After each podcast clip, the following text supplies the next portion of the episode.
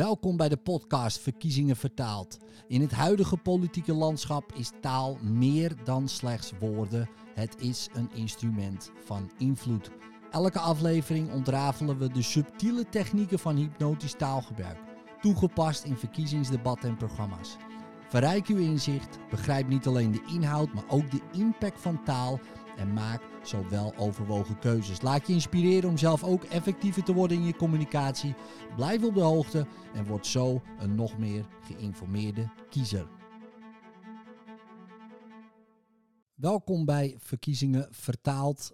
Deze aflevering ga ik het hebben over de Forum voor Democratie of het Forum voor Democratie. Het programma van hoop, optimisme en herstel. En we zien als u de video bekijkt, u kunt de video ook bekijken uh, op het WhatsApp-kanaal of het Instagram-kanaal van Verkiezingen Vertaald.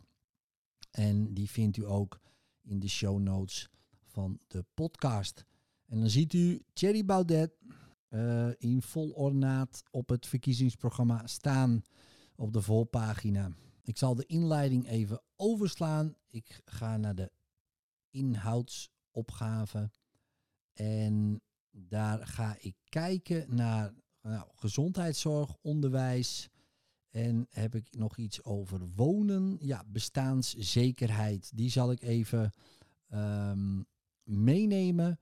Uh, en de twaalf regels voor Nederland zie ik staan. Dus die uh, wil ik ook wel even afgaan.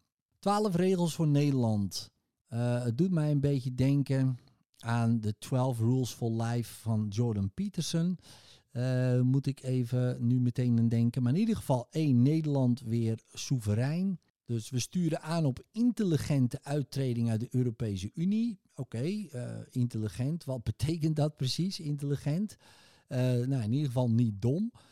twee, democratische vernieuwing. We geven macht terug aan de burger via de onmiddellijke invoering van referenda. En tussen haakjes staat bindend. Dus ja, we kunnen wel referenda houden, we er wat mee doen, dat staat dan tussen haakjes. Uh, onvoorwaardelijke vrijheid. Dus um, lockdowns, vaccinatieplichten, toegangsbewijs en andere mensonterende vrijheidsbeperkingen in te stellen. Uh, we dienen een vrijheidswet in die het onmogelijk maakt uh, om dat te doen. Oké, dus we kunnen dat niet meer doen. Stel je voor, er gebeurt dus wat. Ehm, ja, dan kan de regering in ieder geval niks doen. Uh, dus dan kunnen we het gewoon laten woekeren, bij wijze van spreken. Uh, want ja, mensen kunnen dat zelf beslissen. Behouden cashgeld, wettelijk recht op cashbetalingen. We stemmen nooit in met de invoering van de CBDC. Dat, zal de digitale, dat is de digitale munt.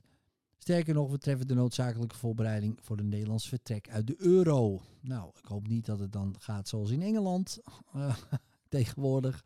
Maar goed, uh, dat was natuurlijk niet intelligent. Kinderen beschermen. Komt een verbod op transgender propaganda op scholen. Uh, ja, wat betekent propaganda precies? Dat we het. propaganda is dat dit trans. Dat, dat je transgender eigenlijk zou moeten worden, denk ik dan. Um, maar ja, betekent dat dan ook uh, ja, kennisgeving dat, dat het gewoon wel bestaat en er is, of, of ook niet? Het wordt onmogelijk voor minderjarigen om geslachtsveranderingsoperaties te ondergaan of hormoontherapie, uh, puberteitsremmers te nemen. Oké, dus we willen wel onvoorwaardelijke vrijheid, regel 3, maar er zitten toch wel voorwaarden aan. Oké, nou dan, dan weten we dat in ieder geval maar. Uh, de immigratie echt aanpakken. Dus uh, een green card invoeren naar het Amerikaans model. Vrede in Oekraïne. Nou, dat is wat een goede regel. Uh, dat uh, gaan wij doen als mediator. Wij treden op als mediator tussen Rusland, Oekraïne en de NAVO. Oké, dus dat gaan wij opeens doen. interessant. Dat is gewoon de twaalf regels van Nederland. Wij gaan die oorlog stoppen. betaalbare energie. Beste zorg ter wereld. Nou, dat klinkt natuurlijk heel mooi. Nederland weer mobiel en ruimte voor ondernemers en lastenverlaging voor iedereen. Nou, interessante regels. Ik weet niet, uh, ze conflicteren wel een beetje met elkaar. En sommige regels denk ik, ja, is dat voor Nederland? Maar goed, uh, dat is het forum. eh, voor democratie met de regels. Dan gaan we naar, um, even kijken. Ja, we gaan hier even naar de woke en LGBT propaganda. Want dit is natuurlijk echt een punt van, uh, van het forum. En we zien een foto van een man in een, in een leren pak. U, als u de video ziet, naakt met kinderen uh, erbij die ook zo'n maskertje dragen. Uh, ja, ik weet, dit is een redelijk aanstootgevende foto, zou je het kunnen zien. Zeker voor mensen die hier ja, fel tegen zijn, is dit echt wel een foto die, die wat oproept. Um, maar goed, het zou net zo goed een verkleed partijtje kunnen zijn in Brabant met carnaval. Maar goed, de foto is, is wel interessant en wekt wel wat op.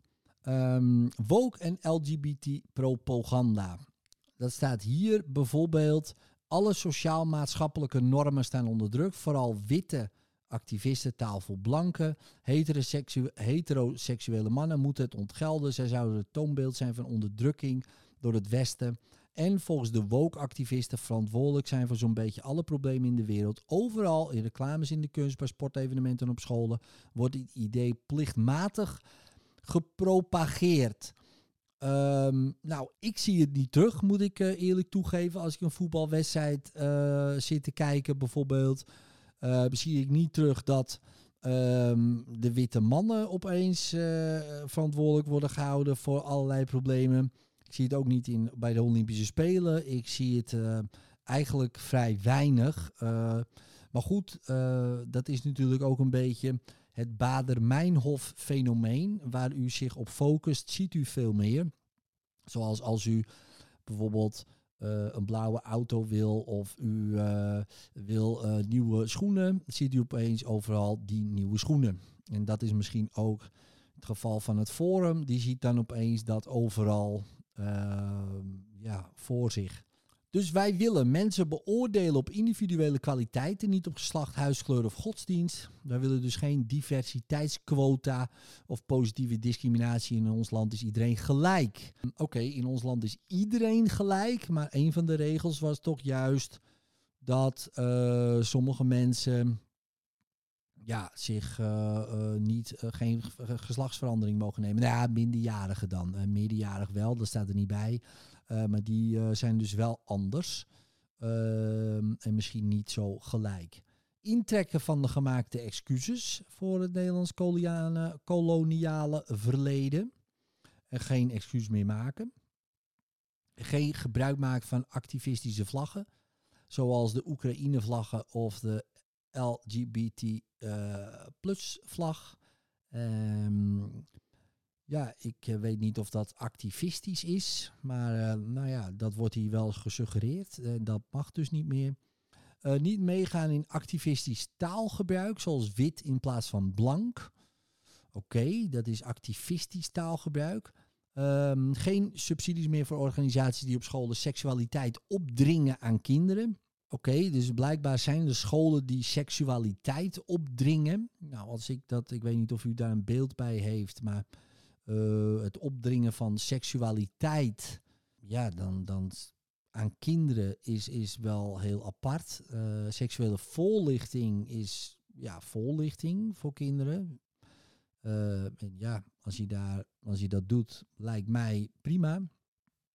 onze kinderen zijn ook seksueel volgelicht. En vaak ben je al, als je ermee begint, zeggen ze, dat wist ik al lang. Dus, um, dus acht, negen jaar uh, weten ze dat al lang al. Um, en hebben ze al lang al dingetjes gezien op TikTok of wat dan ook. Uh, dus ja, seksualiteit opdringen. Ik weet niet wat daarmee bedoeld wordt. Verbod op hormoonbehandeling en operatie voor minderjarigen. Uh, geslachtsverandering. Geen deelname van kinderen aan pride parades of drag queen shows. Dat mag niet, uh, ja, dan moeten ze wel weggehouden worden. Dat mogen ze allemaal niet zien. Dat is natuurlijk uh, ja, blijkbaar gevaarlijk, denk ik dan. want ja, dan krijgen ze misschien verkeerde ideeën van. wettelijk verbod op transgender propaganda op scholen en in tv-programma's voor de jeugd. En een einde aan LGBT-campagnes vanuit overheidsinstellingen. Uh, instellen van een onafhankelijke commissie om de politieke sturing in schoolboeken te onderzoeken en zoveel mogelijk terug te dringen. Ja, uh, ook hier wordt uh, propaganda gebruikt. Dat is, dat is een beetje een oorlogswoord ook, hè, propaganda. De eerste die daarmee begon was, uh, of hij niet mee begon, maar het was ook de Tweede Wereldoorlog, hè, de propaganda. Om mensen te beïnvloeden om op een bepaalde manier te gaan denken. En um, ja, en het is natuurlijk het woord. Want als je zegt, ja, we nemen kennis van dat het bestaat, is, uh, is natuurlijk heel anders als propaganda. En wat betekent dat dan? Dus als ik propaganda verbied, hè, wettelijk verbod, uh, mag ik het dan helemaal niet meer over hebben. Weet je wel, dus dan is het censuur. Ja, en moeten we dan mensen uh, die dat zo ervaren, ja, moeten we die dan maar gewoon in een, ja, gewoon, ja, weet ik veel, net als in, uh, misschien in het Midden-Oosten, gewoon, nou ja, wat er niet is, is er niet. En wat je niet ziet, bestaat niet. En als je het wel hebt, nou ja, dan moet je er maar niet over gaan hebben. zoiets. Ik weet niet wat, hoe ze dat dan willen gaan doen en of het wel genoemd mag worden, maar ehm, nou ja, dat ehm, is ook niet helemaal bekend. In ieder geval moet het weg. En hoe het dan in welke vorm misschien wel toegevoegd wordt, of helemaal niet, dat, dat staat er niet in. Dus we gaan even kijken naar wonen. Ja, wonen. 2023 bedraagt de woningtekort 390.000 woningen. De gemiddelde verkoopprijs is ruim 500% gestegen sinds 1990. Terwijl het modale inkomen slechts met 50% is toegenomen. Gemiddeld betaalde Nederlanders in 1990 19% van hun inkomen aan huur. Inmiddels is dit gestegen tot gemiddeld 30% en in de praktijk loopt het vaak op tot ruim 40%. Ja, dus we beginnen hier met cijfers.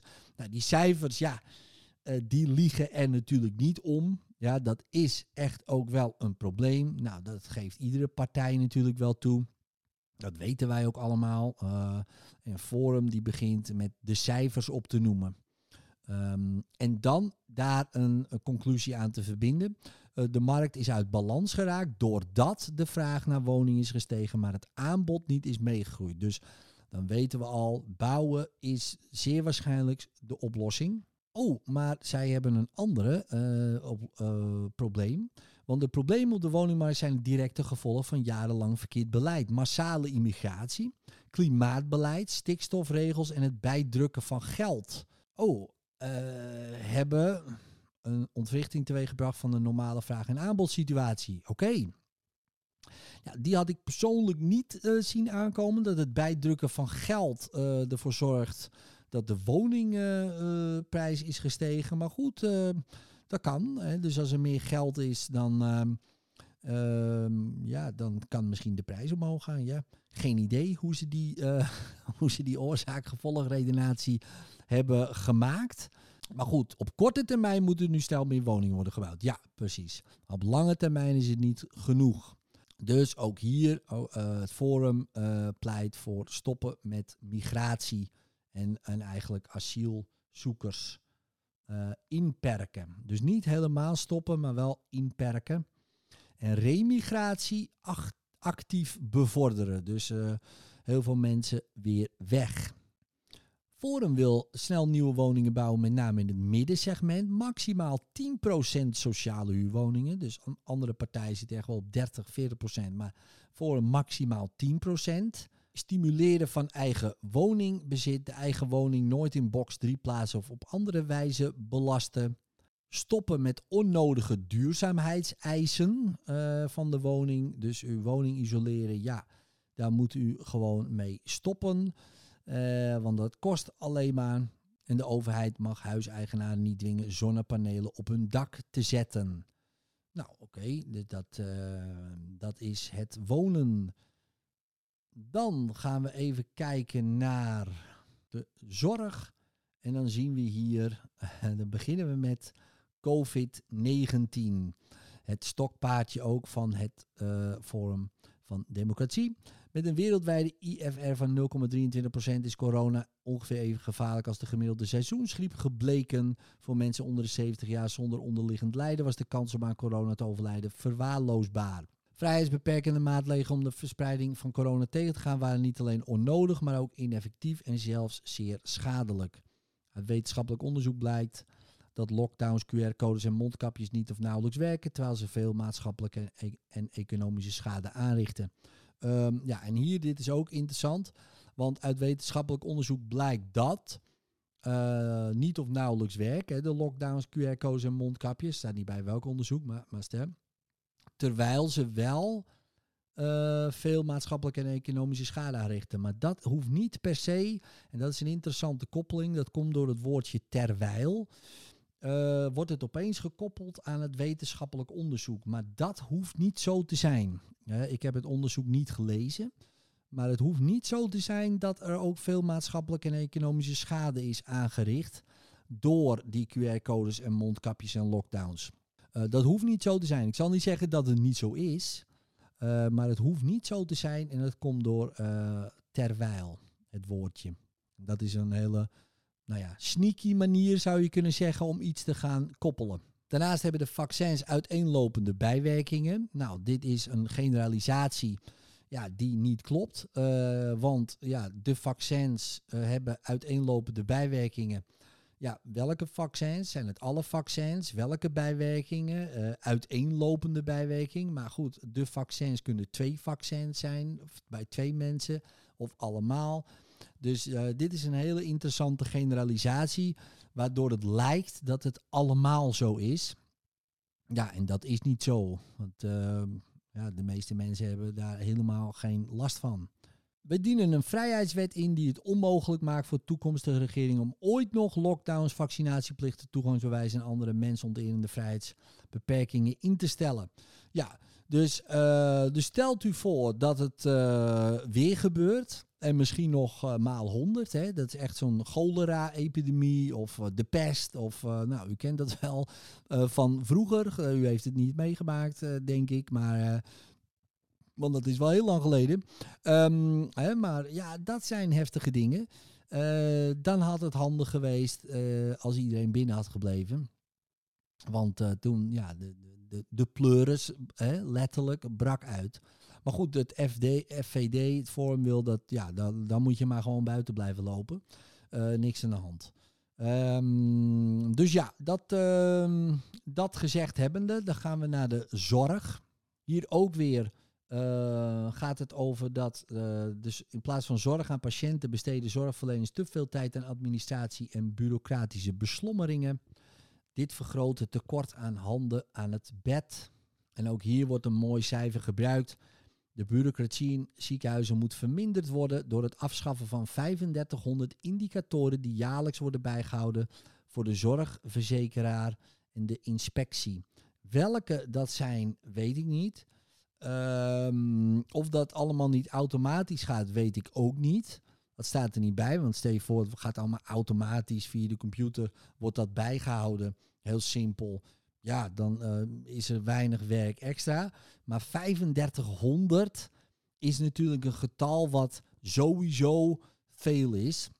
Dat je denkt, jeetje, als je dat allemaal moet bijhouden, vind je het gek dat ze het druk hebben. Um, dus dat is natuurlijk een mooi cijfer om, uh, om te gebruiken. Al is het uh, ja, vrij onspecifiek hoe dat dan bijgehouden wordt. En wat is dan de oplossing van het forum? Uh, er staat hier, de tekorten aan zorgmedewerkers worden voor een groot deel veroorzaakt door slechte arbeidsvoorwaarden. Door meer concurrerende arbeidsvoorwaarden kan de zorg weer aantrekkelijk gemaakt worden voor werknemers. Hieronder valt ook het verbeteren van de cao's voor uh, ziekenhuizen. Uh, Oké, dus uh, lonen omhoog. Dat is een beetje, denk ik dan, het idee wat hieruit voortvloeit. Maar dat is niet heel duidelijk hoe dat dan zal gaan gebeuren. Nou, hier een stukje over de mentale gezondheidszorg. Dat is toch een ding ja, waar ik me ook wel mee bezig hou. Dat is toch een beetje mijn vakgebied. De jeugdzorg en GGZ gaan gebukt onder veel problemen, zoals toename van bureaucratie, minder aanbod en een toename van wachtlijsten. U weet, één jaar nu ongeveer. Uh, als u hulp wilt. het Forum wil landelijke financiering, organisatie van de jeugdzorg en de GGZ. Uh, tegelijkertijd gaan we de jeugdzorg fundamenteel herzien. Hoe precies weten we niet. Maar met name waar het de financiële prikkels en uithuisplaatsingen betreft. De GGZ kan met lange wachtlijsten grote personeelstekorten. De zorg voor de meest complexe patiënten is vaak moeilijk te organiseren. GGZ-medewerkers raken overspoeld met administratieve taken, zoals de minutenregistratie. De wet verplicht de GGZ die begin 2020 ondanks protesten vanuit de beroepsvereniging is ingevoerd bevordert bureaucratie en verhoogt de werkdruk. Medewerkers haken af of vallen uit en dat vergroot de al lange wachtlijsten. Dus ik denk dat het Forum hier aanstuurt op stoppen met die wet en administratieve rompslomp, om het maar even zo te zeggen. Maar ook daar uh, zie ik ook geen oplossingen. Ik zie heel weinig oplossingen. Uh, er staat hier bijvoorbeeld: wij willen een korte termijn oplossing voor de lange wachtlijsten bij ernstige psychiatrische problematiek. Ja, dat willen wij ook. Maar hoe? Hoe dan? uh, in dit verkiezingsprogramma zie ik heel veel, ja, weinig, weinig oplossingen moet ik toch toegeven.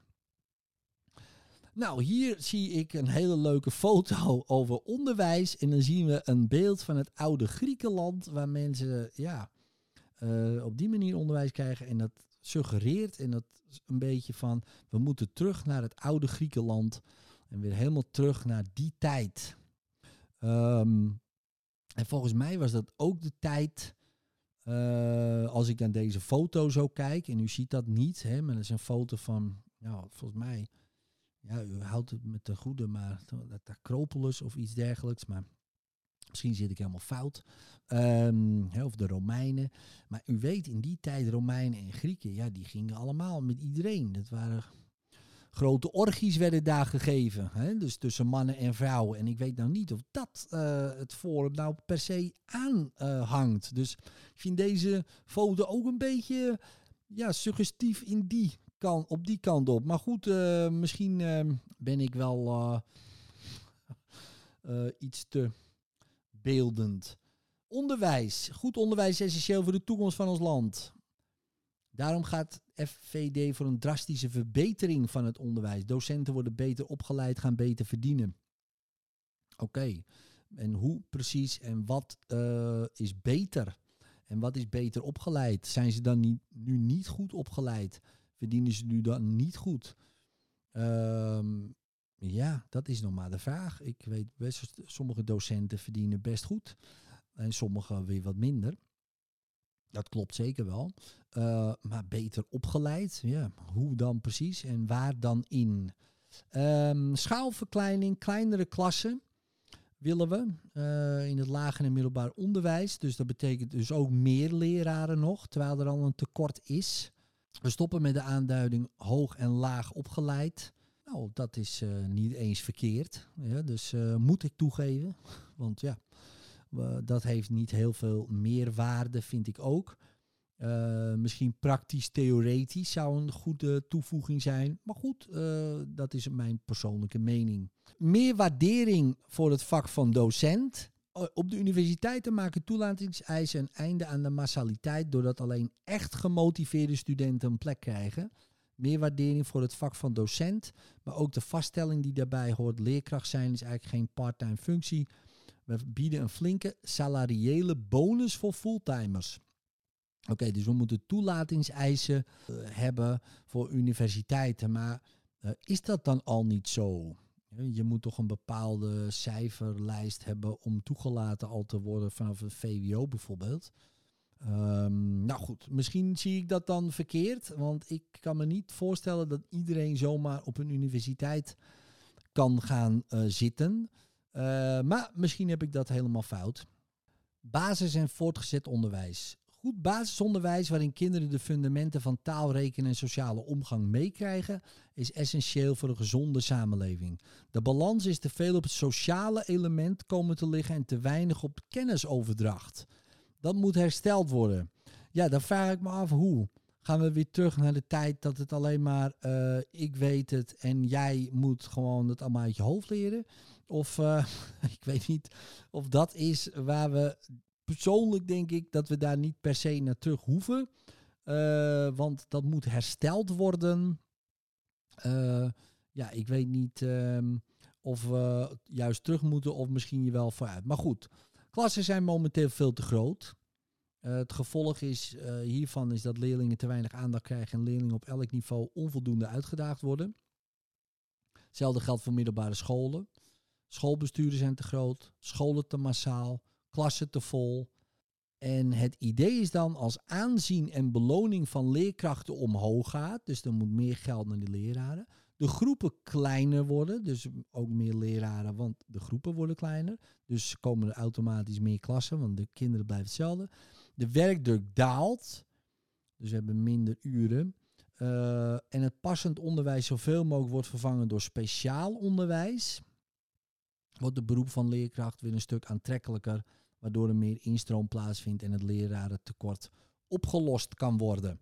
Ja, dus we gaan eerst een meer problemen veroorzaken, denk ik, uh, als ik dit zo hoor. Want als we nu van een klas van 20 waar één leraar voor staat, twee klassen van 10 maken en diezelfde leraar moet opeens twee klassen bedienen, dan heeft hij twee keer zo druk.